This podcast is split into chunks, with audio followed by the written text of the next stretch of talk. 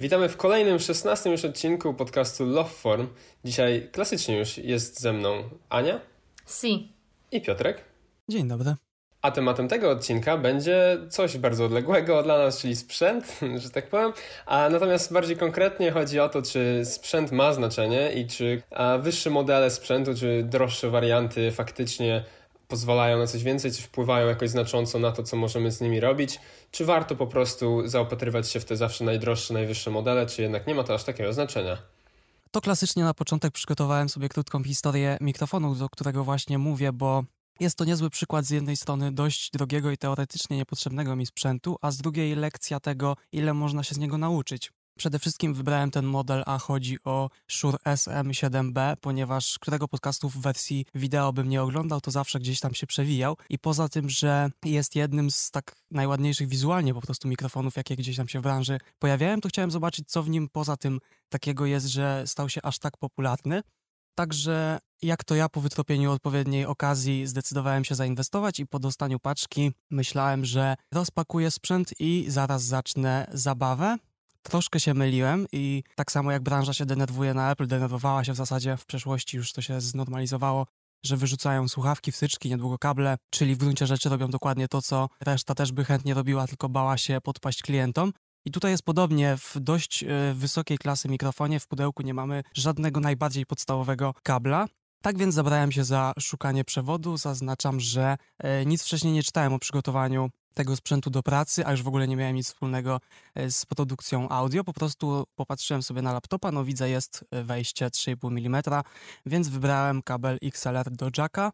Po trzech dniach dostałem paczkę podpinam i mikrofon stał się głośnikiem. Zaczął wydawać dźwięki zamiast je zbierać.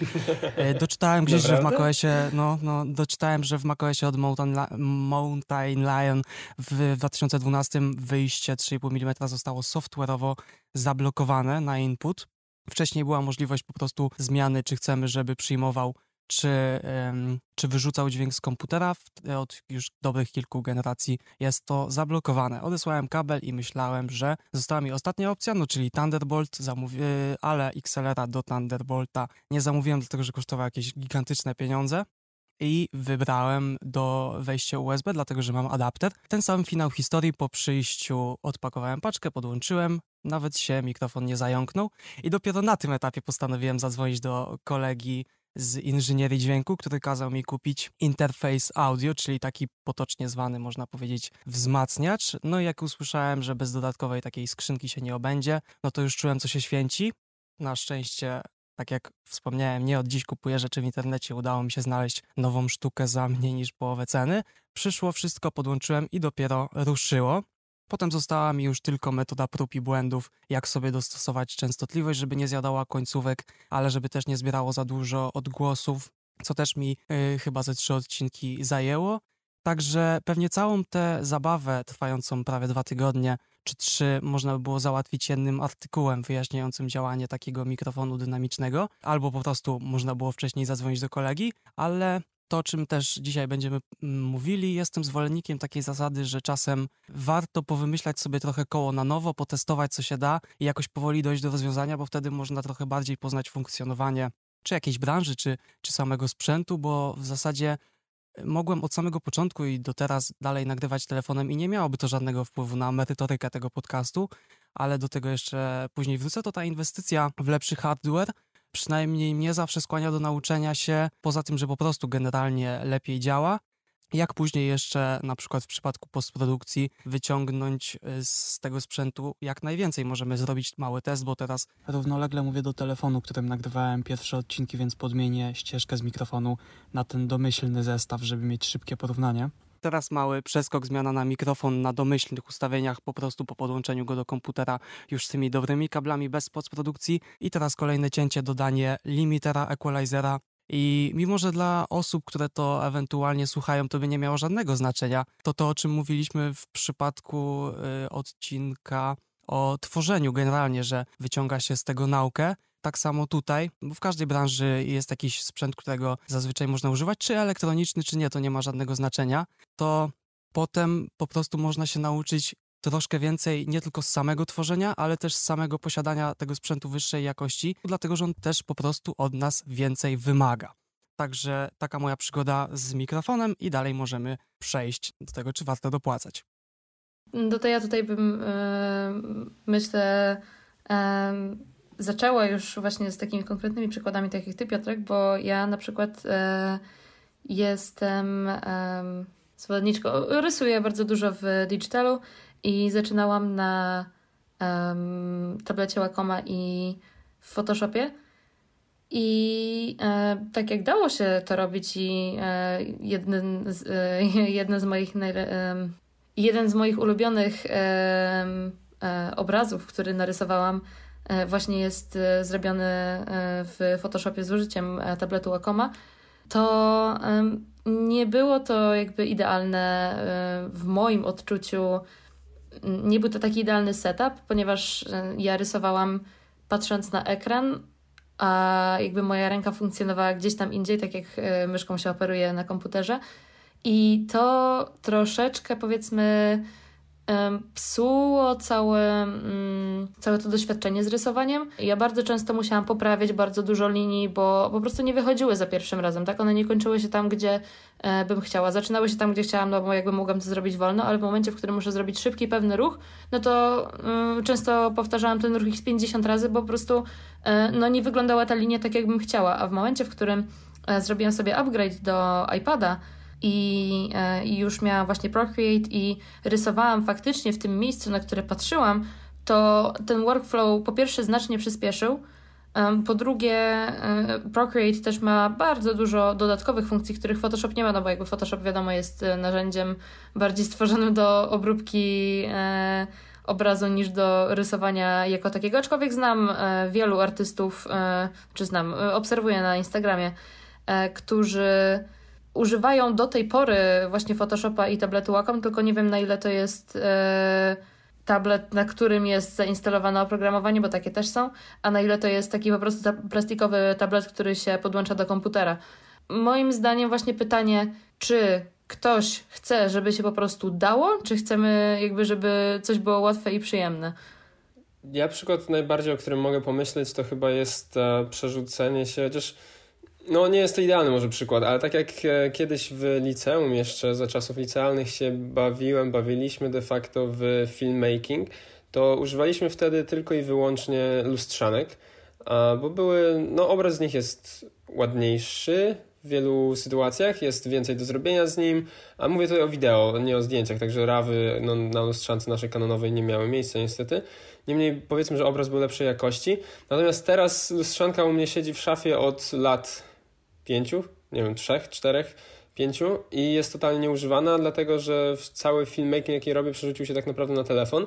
A aczkolwiek oczywiście to jest zupełnie inny rodzaj filmów teraz, bo teraz jest to bardziej z wakacji, więc tutaj sprzęt prostszy, nie, nie, nie tańszy, co jest ciekawe akurat, bo jest prostszy w obsłudze, natomiast no iPhone jest, ten telefon jest droższy niż ta lustrzanka była, bo to był Canon, Canon EOS 650D z jakimś kitowym obiektywem zazwyczaj więc to był sprzęt no dwu, trzykrotnie, dwu i półkrotnie chyba około tańszy niż teraz telefon.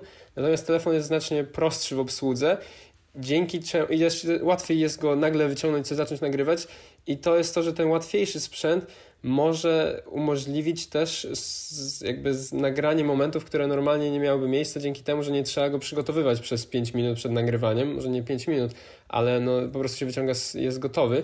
I teraz się zastanawiam w sumie, czy to był upgrade, czy to był downgrade sprzętu z lustrzanki na telefon. Jeżeli chodzi o flow pracy, to zdecydowanie upgrade.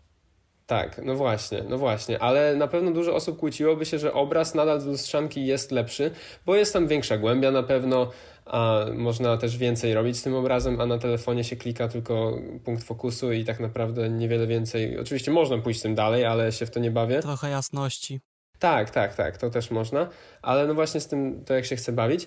No i zastanawiałem się, czy to był upgrade czy downgrade i pod wieloma względami upgrade mimo wszystko, po, oprócz tych właśnie kilku mniejszych aspektów downgrade'u, a pracę umożliwi, ułatwiło no wielo, wielokrotnie po prostu, nie?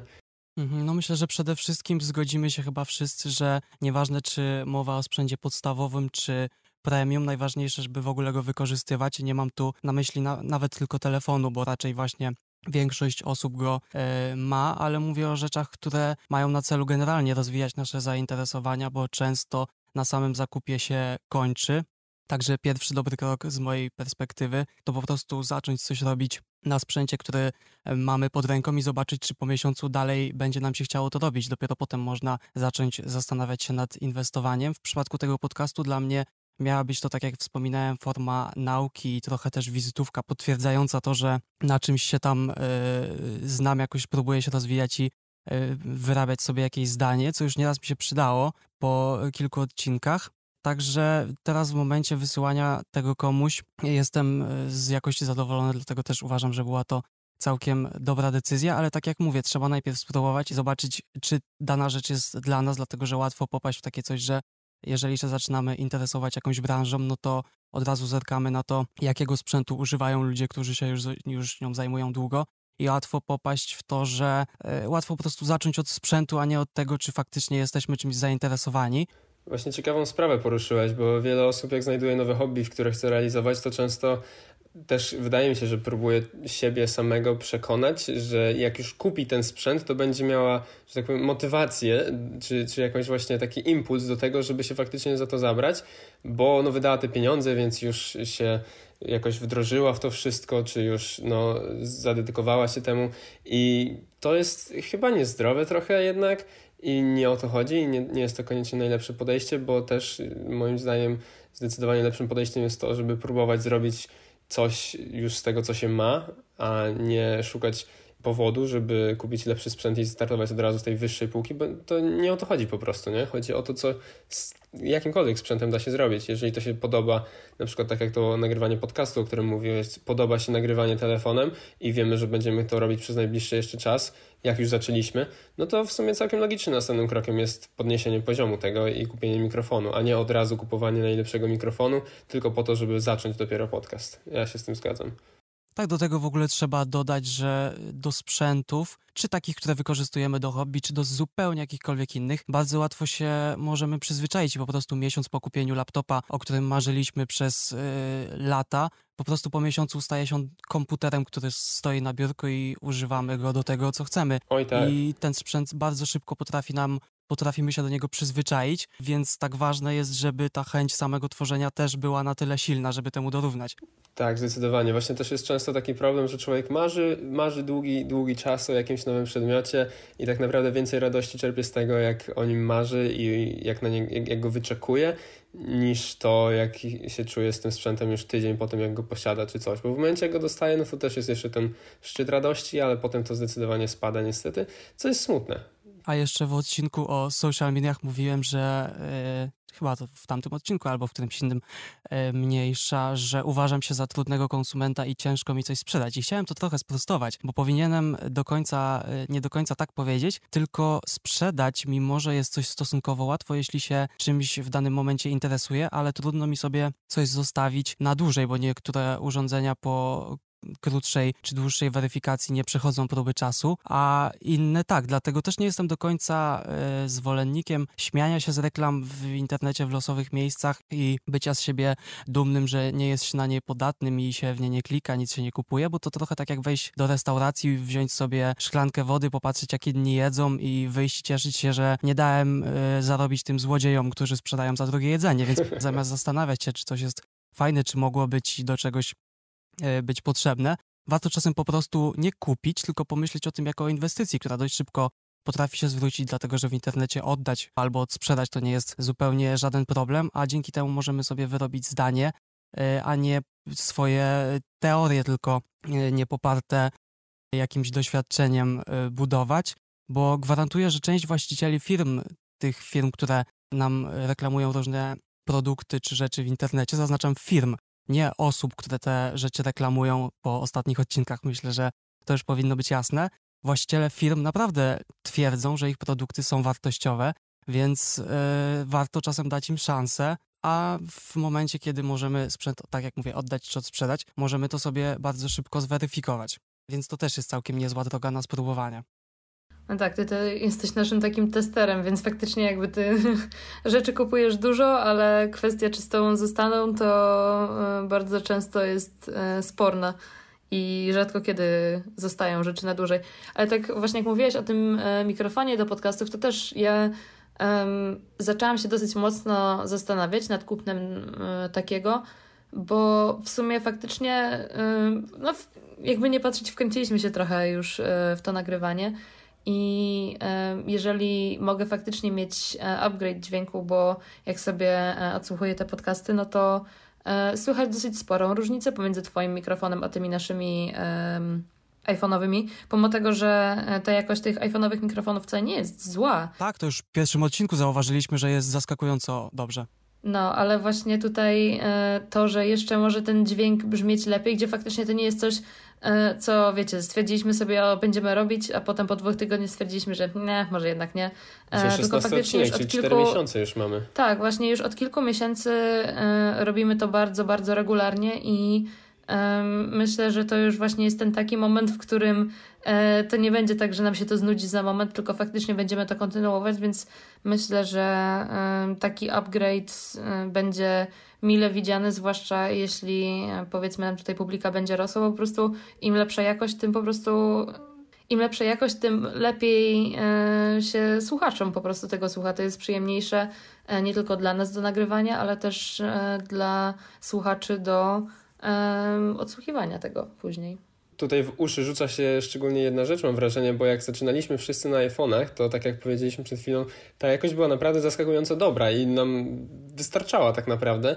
Natomiast przynajmniej z mojej perspektywy, w momencie, kiedy zaczęliśmy słuchać Piotrka już z mikrofonu porządnego, to nagle jakoś tak nagranie moje i nagranie Anuka zaczęły brzmieć trochę inaczej jest ta zauważalna dosyć różnica i teraz, tak jak właśnie Anuk powiedział, jest trochę motywacja, żeby też samemu podnieść ten poziom, przez to, że mamy już porównanie do tego lepszego poziomu, bo kiedy nie mieliśmy, to nie wiem, mi osobiście nie przeszkadzało to za bardzo, a teraz już jakoś tak jest pewna różnica.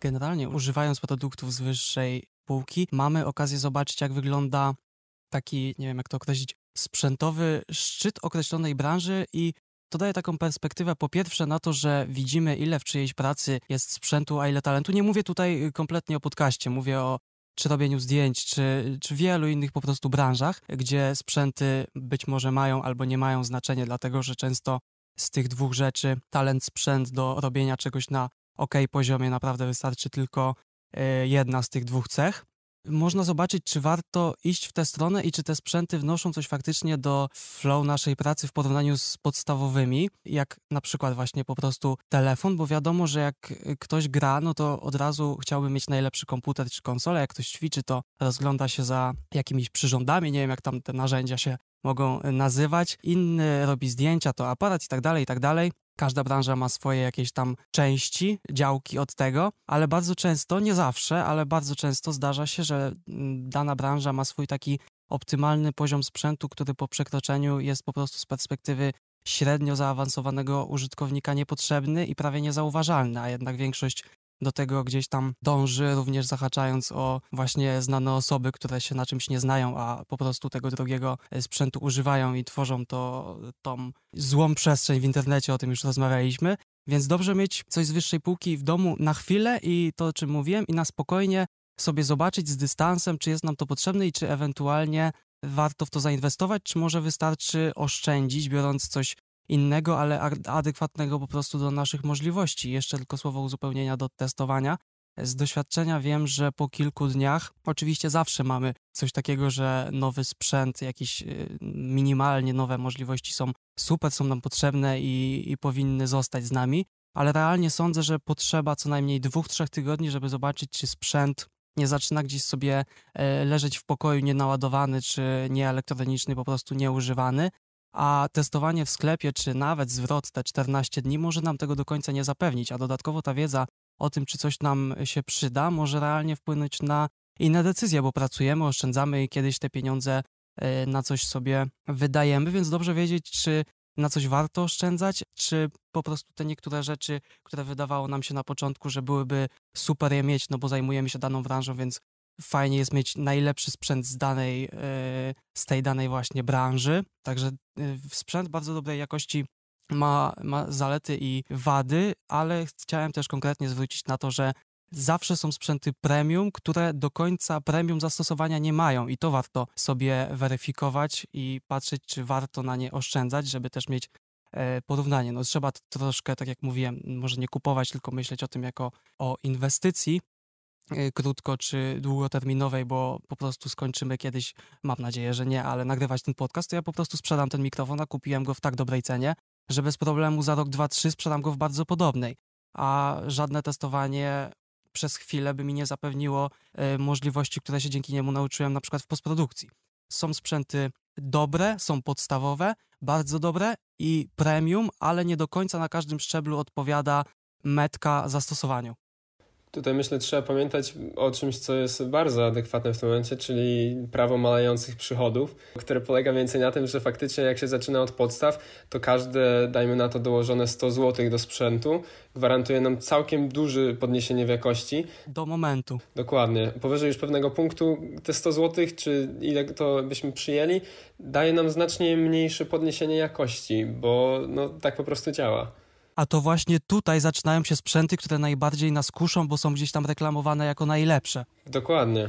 Dokładnie, dlatego dobrze sobie wyobrazić tak naprawdę taki wykres powiedzmy logarytmiczny, gdzie widzimy, które sprzęty są jeszcze takie, że naprawdę jest duży przeskok między nimi, a później mimo dokładania dużych już zasobów gotówkowych, to jakość ma, mało rośnie i znaleźć po prostu dobry punkt. Tak naprawdę najlepszy jest punkt ten, który już mamy, ale no, jak już kupuje się nowy sprzęt, to dobrze pamiętać o tym, gdzie on leży na wykresie mniej więcej. E, jeżeli chodzi o taki sprzęt już profesjonalny, to on często jest y, że tak powiem, sprzedawany w częściach. Tak, jeżeli popatrzymy sobie na kamery Reda, to e, no tutaj nagle, tak, no kupisz e, kamerę, spoko, ale musisz kupić do niej obiektyw, musisz kupić rączkę, musisz kupić e, wyświetlacz, żeby w ogóle widzieć, co, co nagrywasz. Jakby to są rzeczy, które normalnie właśnie w tym sprzęcie powiedzmy niższej klasy, takim jak lustrzanki na przykład, to wszystko jest tam gdzieś zawsze w pudełku. Do Display XDR trzeba dokupić stopkę. No, właśnie. Wtedy... można, nie trzeba, można. No, jak chcesz oprzeć o ścianę. Ale właśnie to jest to, że ludzie mówili, że to jest ten e, taki już profesjonalny sprzęt, prawda? Więc e, często ludzie albo już mają te e, Vader mounts na ścianę, albo właśnie jakieś tam już mają te stopki. I właśnie to jest też tłumaczenie, że jeżeli ktoś już ma kamerę Redon, to zazwyczaj ma już tam jakieś inne akcesoria. I jakby o ile one są faktycznie kompatybilne, to sam ten próg wejścia w ten mm, bardziej profesjonalny poziom jest już bardzo drogi i bardzo wymagający i często właśnie nieosiągalny dla dużej części e, osób. Nieosiągalny, ale też po prostu niepotrzebny często. No, no wiadomo, że jakby jeżeli chce się robić filmiki z wakacji, to właśnie tak jak Kajetan mówił, e, telefon będzie naprawdę e, wystarczający, a nawet bardziej niż wystarczający. Jeżeli ktoś faktycznie chce się bawić w jakąś e, kinematografię, no to w tym momencie faktycznie może już warto zainwestować albo na, na początek na przykład wypożyczyć tą kamerę i zobaczyć, czy faktycznie ta zmiana w jakości obrazu będzie na tyle jakby wystarczająca, żeby faktycznie gdzieś tam usprawiedliwić zakup tej drogiej kamery. To, co mówisz w przypadku właśnie kamery, często sam zakup jej nie wystarczy nawet dopakowany jakimiś czy statywami, czy obiektywami, dlatego że wyjmując sobie, co nieraz słyszałem właśnie w przypadku e, Redów czy Ari, nie wiem, w który to był dokładnie, która to była firma, ale wyjmując sobie, zgrywając na komputer z dysku pliki, potrzebujemy naprawdę specyficznych ustawień w programie do montażu, żeby w ogóle te pliki ruszyć do tego, że one są w, w ProRes się nazywa, ten jeszcze bez kolor korekcji. Tak, jakoś tak. To w każdym razie wypluwają te kamery, nie, niepokolorowany materiał, tam trzeba naprawdę dużo popracować, żeby materiał po wyjęciu z tej kamery zaczął być w ogóle podobny do tego, który dostajemy w telefonie automatycznie. Trzeba się bardzo dużo naklikać, pozgrywać sobie luty, pobawić się w kolor korekcję, bardzo wiele rzeczy, więc z jednej strony to rodzi bardzo dużo wyzwań, które są fajne, dlatego że to jest nauka bezcenna, no ale z drugiej strony to rodzi bardzo dużo kosztów i bardzo dużo czasu, więc to też zależy, kto na jakim poziomie się czymś zajmuje. No tak, no bo tutaj jakby mm, wiadomo, że żeby otrzymać obraz, który wygląda tak jak ze smartfona, no to trzeba tam się trochę na, napracować, ale z drugiej strony, e, jeżeli coś nagrasz e, smartfonem, to nie będziesz w stanie jakby stworzyć tego innego klimatu, powiedzmy, tak? Bo na przykład nie wiem, czy oglądaliście film e, Mad Max. E, tam było bardzo dużo E, właśnie pracy z kolorem, która normalnie w przypadku nagrywania zwykłym takim powiedzmy sprzętem niekinowym, ta praca z kolorem w ogóle nie miałaby możliwości tak, mieć miejsca. są już zdefiniowane.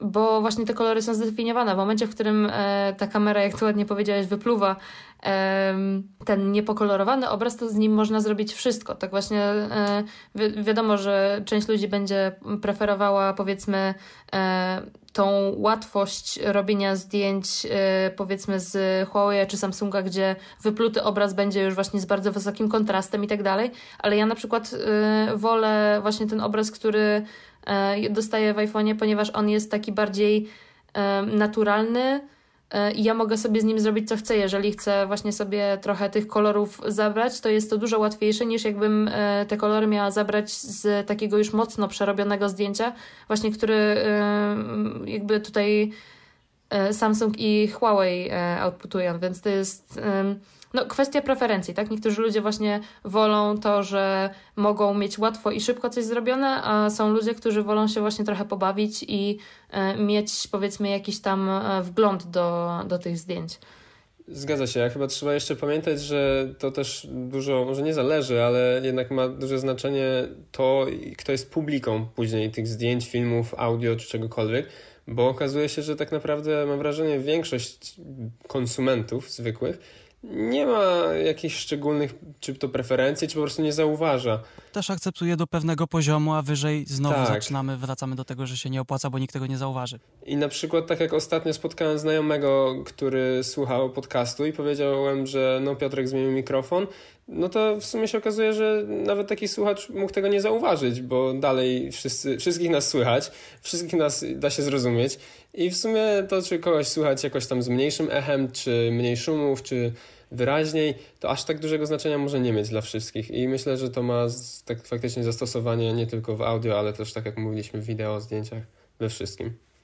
No to jest generalnie też y, zależne, bo troszkę schodzimy znowu ze sprzętu na tworzenie, także zaraz sobie wrócimy, ale generalnie y, o tym też mówiliśmy, że wszystko zależy od tego, tak jak powiedziałeś, kto jest naszym odbiorcą. Czy tym odbiorcą nie jest nikt, bo bardzo pozdrawiam kolegę, ale tak jak mówiłem, większość rzeczy, które ja y, sobie robię, mają przede wszystkim mnie rozwijać i mi sprawiać jakąś przyjemność. Ale no właśnie, albo robimy, rozwijamy się, żeby zaspokoić oczekiwania generalnie publiczności, albo rozwijamy się dla siebie. Tu właśnie chciałbym jeszcze jedną szybką rzecz dodać, bo tak jak mówisz o robieniu dla siebie, ja się z tym totalnie zgadzam i dla siebie lubię robić zdjęcia czy filmy z wakacji, to też są de facto dla mnie, no i dla tych osób, co były z nami na wakacjach, ale dla nikogo spoza tego grona powiedzmy. Natomiast pomimo tego robienia dla siebie, to i tak przykładam bardzo dużą wartość do jakości tego wszystkiego i w tym momencie wydatek a tych kurczę astronomicznych już niemalże kwot typu 5 czy 6 tysięcy na nowego iPhone'a co 3 lata jest trochę łatwiejszy do przełknięcia, kiedy wiem, że dzięki temu chwile upamiętnione z wyjazdów czy z jakichś ciekawych momentów z życia będą po prostu o tyle lepsze, bo jak patrzę na zdjęcia jakieś starsze, czy widzę, jak były jakieś ciemne warunki i po prostu wiem, że stamtąd zdjęcia, no, no nie ma szans, żeby zapamiętać jakiegoś momentu, który wydarzył się niemalże po ciemku. Zapamiętać w znaczeniu na kliszy, że tak powiem, a po prostu cyfrowej.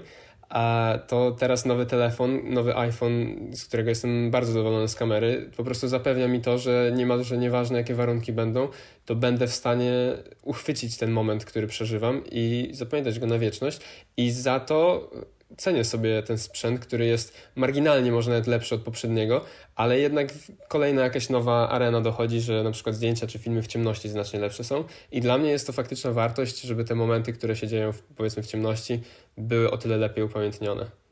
A nie masz wrażenia, że jak ta górka mocno rosła, bo porównując y, aparat z piątką czy szóstką do dwunastki, no to jest przepaść. Teraz zostały dodane już y, chwilę temu. Tryby nocne, nie masz wrażenia, że ta górka z powrotem zacznie sobie zwalniać, bo to już jest naprawdę w, nawet nie tyle dobry, ale poziom, który tak samo w sumie jak ze sprzętami, poziom, który można pobijać, ale to naprawdę już nie będą duże różnice. Zgadzam się i tutaj wracamy do tego, co mówiliśmy przed chwilą, do tego prawa malejących przychodów, mhm. bo teraz przesiadają się na przykład z iPhone'a 10, który robił już sam w sobie bardzo dobre zdjęcia i filmy, natomiast tak jak z szóstki na dziesiątkę to był faktycznie bardzo duży przeskok, przednia kamera w ogóle nie do porównania, tylna no też gigantycznie 4K weszło i dużo innych jeszcze rzeczy, to teraz na dwunastkę przeskok był mniejszy, ale znowu znajdą się takie obszary, w których ten przeskok jest. Na przykład HDR w filmach. Tego nie było na dziesiątce, na dwunastce jest i to jeszcze z tego nie skorzystałem, ale wydaje mi się, że pierwszy wyjazd, który będzie, jest szansa, że będzie mocno wykorzystany. A inna rzecz, przednia kamera się znacząco poprawiła, mimo że w dziesiątce nie była zła, to jak już porównywałem na przykład do 11 Pro Anuka, to była gigantyczna różnica. Do tego jest ta szersza kamera, więc jakby dalej są na pewno jeszcze jakieś obszary, w których to się poprawia, ale zgadzam się, że to są te marginalne, takie małe aspekty poprawiane, które niemniej przekładają się na ogólną ocenę aparatu i ogólną jego jakość. A także tak, poprawia się, natomiast marginalnie, zgodnie z tym prawem malejących przychodów też. To do tego trzeba pamiętać, że dwunastka nie zawsze, znaczy może jest, nie, ja nie znam polityki firmy, ale generalnie z perspektywy konsumenta dwunastki niekoniecznie są budowane dla właścicieli jedenastek, jedenastki dla dziesiątek, dziesiątki tak i tak dalej, i tak dalej, dlatego, że są ludzie, bardzo słusznie zresztą, którzy wymieniają sobie telefony co 3 lata. I firma nie musi produkować nowych modeli co 3 lata dla tych osób, tylko wszystko musi się powolutku rozwijać i sam możesz sobie wybrać, czy zrobisz sobie przeskok 3, 5, czy co generację zmiany wyświetlacza z piątki na, na, na nocza na przykład. Także y, to sobie musi powoli się rozwijać małymi krokami. No tylko, że właśnie, z którego modelu się przesiadasz i czy jest to dla ciebie po prostu sensowne dla twojego też portfela. No jak ja się przesiadałam z szóstki na jedenastkę Pro, no to dla mnie to był tak gigantyczny skok. Ja pamiętam jak um, poszłam sobie ze znajomym po prostu robić e, takie porównawcze zdjęcia.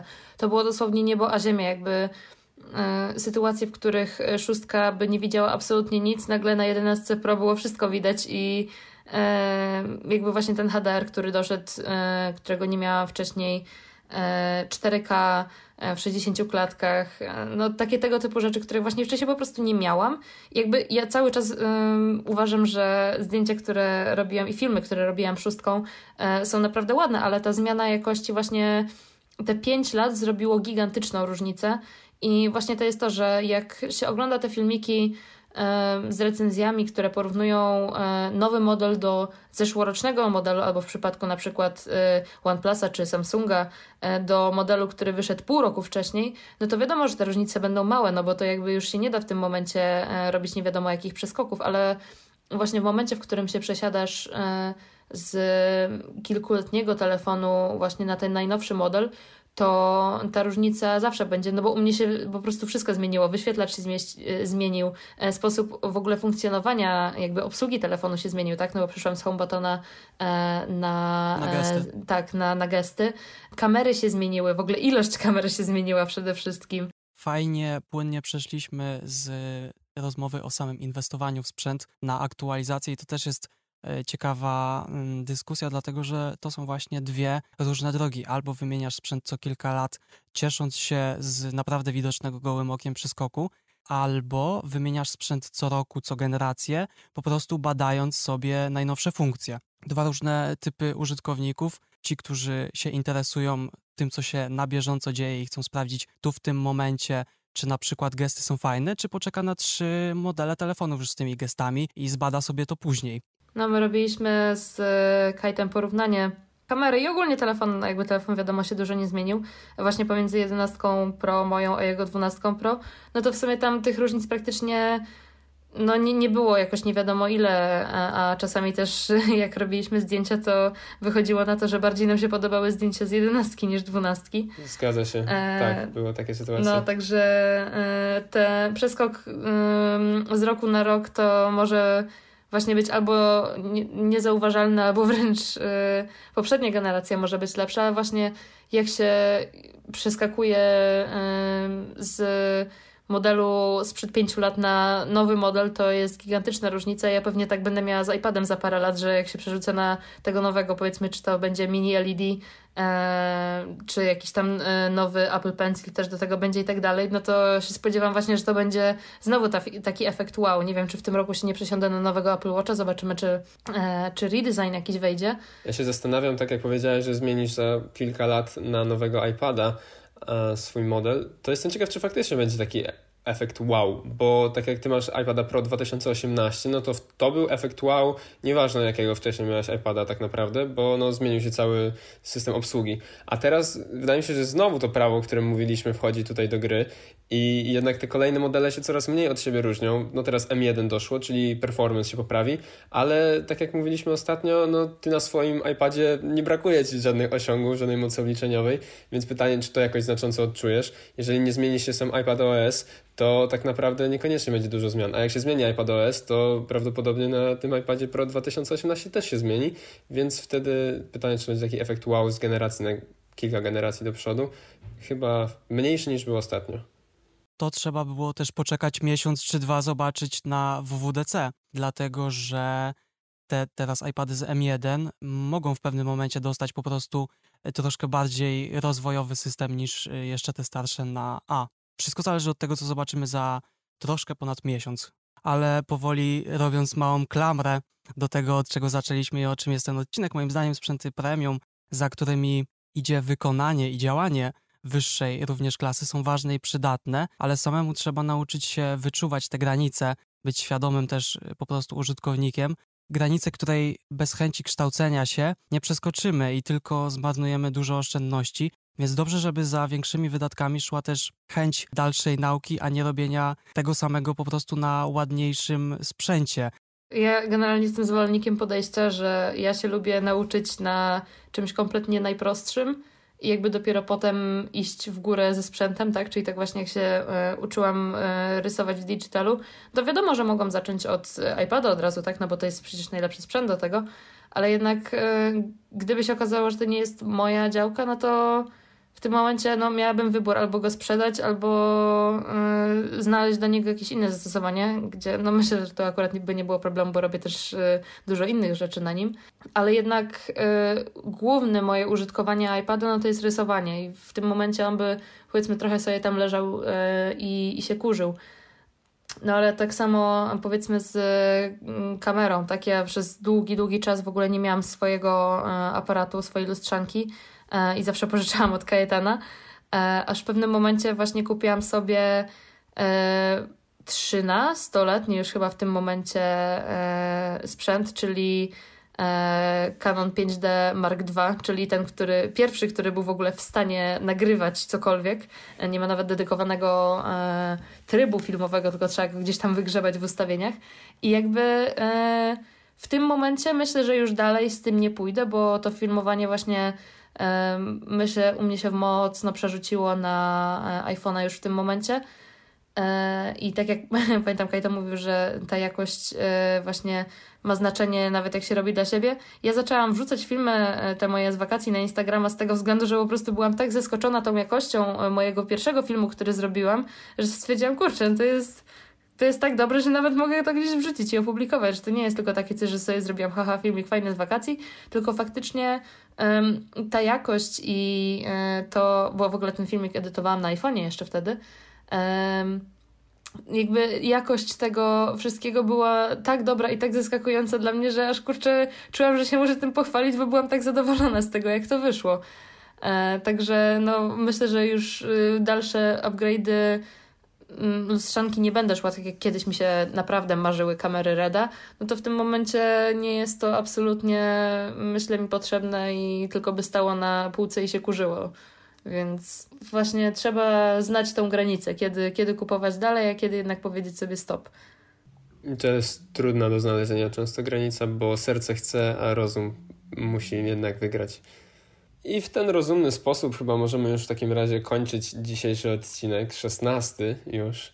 A zapraszamy Was serdecznie do znalezienia nas blisko swojego serca, czyli właśnie na Twitterze at. Serdecznie zapraszamy, możecie tam nas znaleźć. A za dzisiejszy odcinek dziękujemy Wam już. Na razie.